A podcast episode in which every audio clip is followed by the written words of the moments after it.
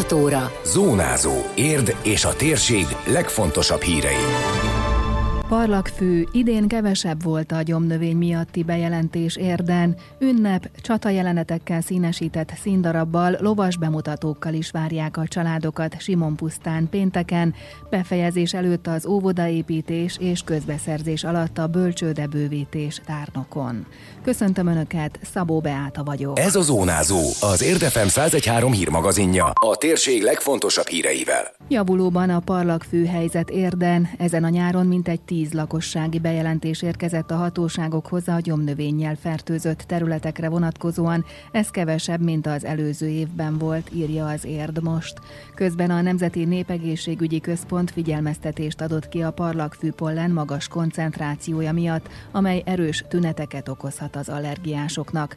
A törvény szerint a földhasználó köteles az ingatlanon a parlagfű virágbimbójának kialakulását megakadályozni, és ezt az állapotot folyamatosan fenntartani.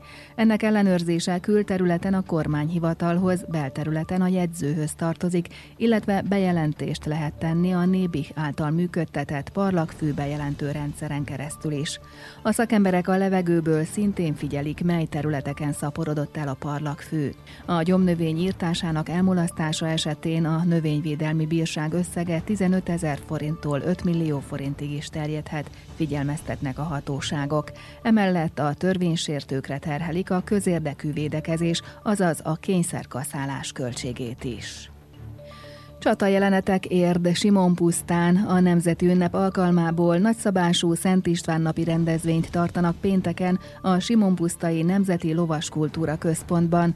Az ingyenes program 14 órakor kezdődik, számos lovas műsort láthat a közönség a színpadon, illetve egész nap kézműves kirakodóvásár és gasztronómiai vigasság is várja a látogatókat.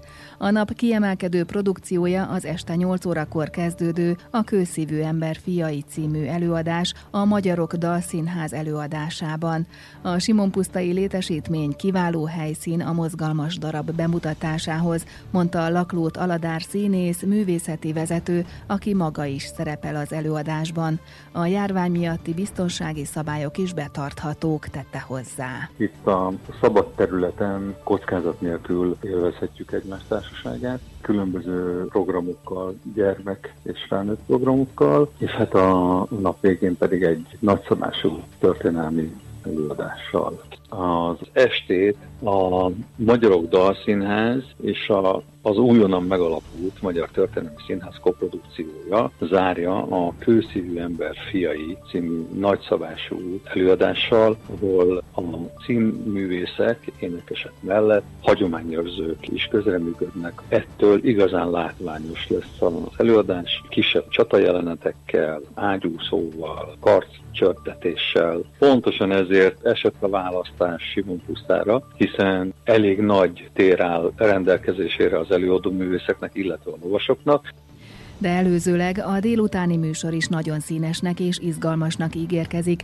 Fellép például a Forrás Néptánc Együttes, valamint különféle lovas sportokat is megismerhetnek a látogatók, sorolta a művészeti vezető. Lesz a lovas nemzeti hagyományoknak bemutatója, ami ugye arról szól, hogy szeretnénk újra népszerűsíteni a lovas kultúrát Magyarországon. Aztán ugye Sosvári Sándor és a ló kapcsolata az eléggé ismert országosan, hiszen egy nagyon jeles művészünkről van szó, kiváló énekesünkről, zenész, színész kollégánkról, aki egy nem mellesleg állandó résztvevője a díjugrató versenyeknek, és többször fellépett már úgy, hogy lóháton énekelt a közönségnek. Aztán lesz Szent István napi operett és musical gála a Fővárosi Operett Színház művészeinek a részvételével, Kalmus Felicián cselló művész fantasztikus produkcióval, a Nagyszerű-Nagyszerű Nagymamó című előadásával. Ő rendezheti meg a, az érdeklődőket, a Simon Puszta Nemzeti Lovas és Hagyományőrző Egyesület által szervezett pénteki Szent István napi rendezvényre a belépés tehát díjtalan, a programok délután két órakor kezdődnek. Az Érdmoston a teljes interjút meghallgathatják, amelyben Lakló Taladár a Kőszívű ember fiai című előadás szereposztásáról is beszél. Az óvodaépítés a terveknek megfelelően zajlik tárnokon. Heteken belül befejeződik az építkezés, de hogy mikor vehetik birtokba a gyerekek, azt nagyban befolyásolja az engedélyek kiadása, nyilatkozta Lukács László polgármester. Szeptember közepén van az átadási határidő, amikor is az építkezési folyamat befejeződik, és onnan kezdve kezdjük el az engedélyek beszerzését. Egyelőre minden a terveknek megfelelően megy, most már a közüzemek bekötésénél tartanak, a fedél az már fent van, tehát elég jól halad az építkezés. Maga az engedélyezés az két-három hónap, tehát hogyha ha minden rendben van, akkor elvileg év végén az engedélyek megszülethetnek. Praktikusan valószínűleg ugye évelején kell belaknia az óvodát, ami azt jelenteni, hogy akkor ugye szeptemberben kezdenék, de elvileg a tavaszi időszakban már át lehet oda költözni. Ez a része már attól függ, hogy az engedélyek hogy jönnek meg, illetve a lovónők és az óvodavezetés hogy dönt, hogy mikorra teszik az átköltözést. Ugye itt a templom utcai egyik óvodából jön át két csoport, Hiába azonban az új óvoda az étkeztetésre még megoldást kell találni, egyelőre átmeneti jellegűt, mondta a tárnoki polgármester. Itt most ugye konyha nem épül az óvoda mellé, ez egy külön projektben készült volna el, aminek a pénzét egyelőre nem utalta ki a kormány, annak ellenére, kormány rendelet van rá, úgyhogy még küzdünk ezért a pénzért. Persze megoldjuk, de hát ez mindenképpen egy ideiglenes megoldás. 2021-ben valamilyen módon megoldást kell arra találnunk, hogy a, a rendes étkeztetést, és egy, ez nyilván egy új konyhát jelentotta az óda mellett, ezt megvalósítsuk. Lukács László tájékoztatása szerint a bölcsőde bővítése is hamarosan megkezdődhet tárnokon, két új csoporttal bővül a gyermekintézmény. Most ki lett írva a közbeszerzési pályázat, meg lettek hívva azok a cégek, akikre számítunk a pályáztatás során, és ennek a leadási határideje most augusztus vége, és akkor utána elindulhatnak a kivitelezési munkák a bölcsödefejlesztésben is. Két új csoportot lehet majd berakni a bölcsödébe, ez 20-24 gyermeket jelent. Ezre a beruházásra elnyert pénznek az összege, az egy ilyen 190 millió körüli összeg. Ennek igazából olyan nagyon korrekt határideje nincsen, de szeretnénk, hogyha ez idén befejeződne.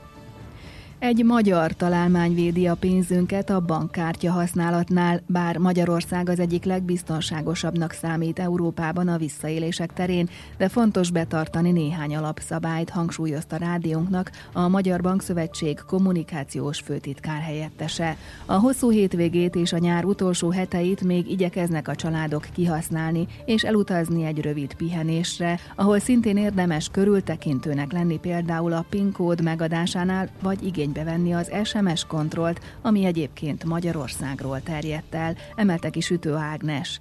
De jó, ha adunk meg például limitet akár az összegre, akár a tranzakciók számára vonatkozóan. Az elmúlt években szinte mindig folyamatosan Magyarország Európában dobogós helyen van a bankkártyás legbiztonságosabb országok között, és a MNB-nek a jelentése alapján a kártyás visszaérések a teljes forgalomhoz viszonyított arányban elhanyagolható mértékűek, még az 1%-ot sem éri el, amihez viszont az is kell, hogy mi is legyünk óvatosak a kártya használatban.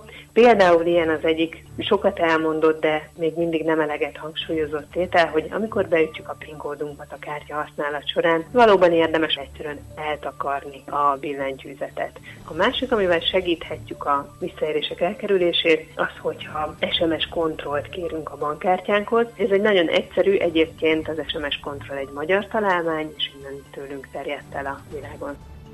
Ha mégis visszaélést tapasztalunk a bankkártyánkkal, az első és legfontosabb lépés értesíteni a bankot az esetről, húzta alá Sütő Ágnes késlegedés nélkül értesítsük a bank ügyfélszolgálatát. Utazás előtt célszerű a bank honlapján tájékozódni a külföldről hívható ügyfélszolgálati telefonszámról. Minden banknak, aki bankkártyát bocsát ki kötelező éjjel-nappal, a hét bármely napján és bármely órában hívható bankkártyás letiltási ügyfélszolgálatot fenntartania. Tehát, hogyha úgy észleljük, hogy jogosulatlan tranzakció, nem általunk kezdeményezett tranzakció történik a kártyánkon, akkor azonnal jelezzük ezt a bank bank felé, ott a kollégák segíteni fognak a további lépésekben, például, hogy célszerű a kártya azonnali tiltása, hogyha kikerül a birtokunkból a bankkártya, például ellopják, nem tudjuk hol van, akkor ugyancsak ugye ezek szükségesek lehetnek, akár szükség lehet egy rendőrségi feljelentésre is, hogyha egy lopás történt.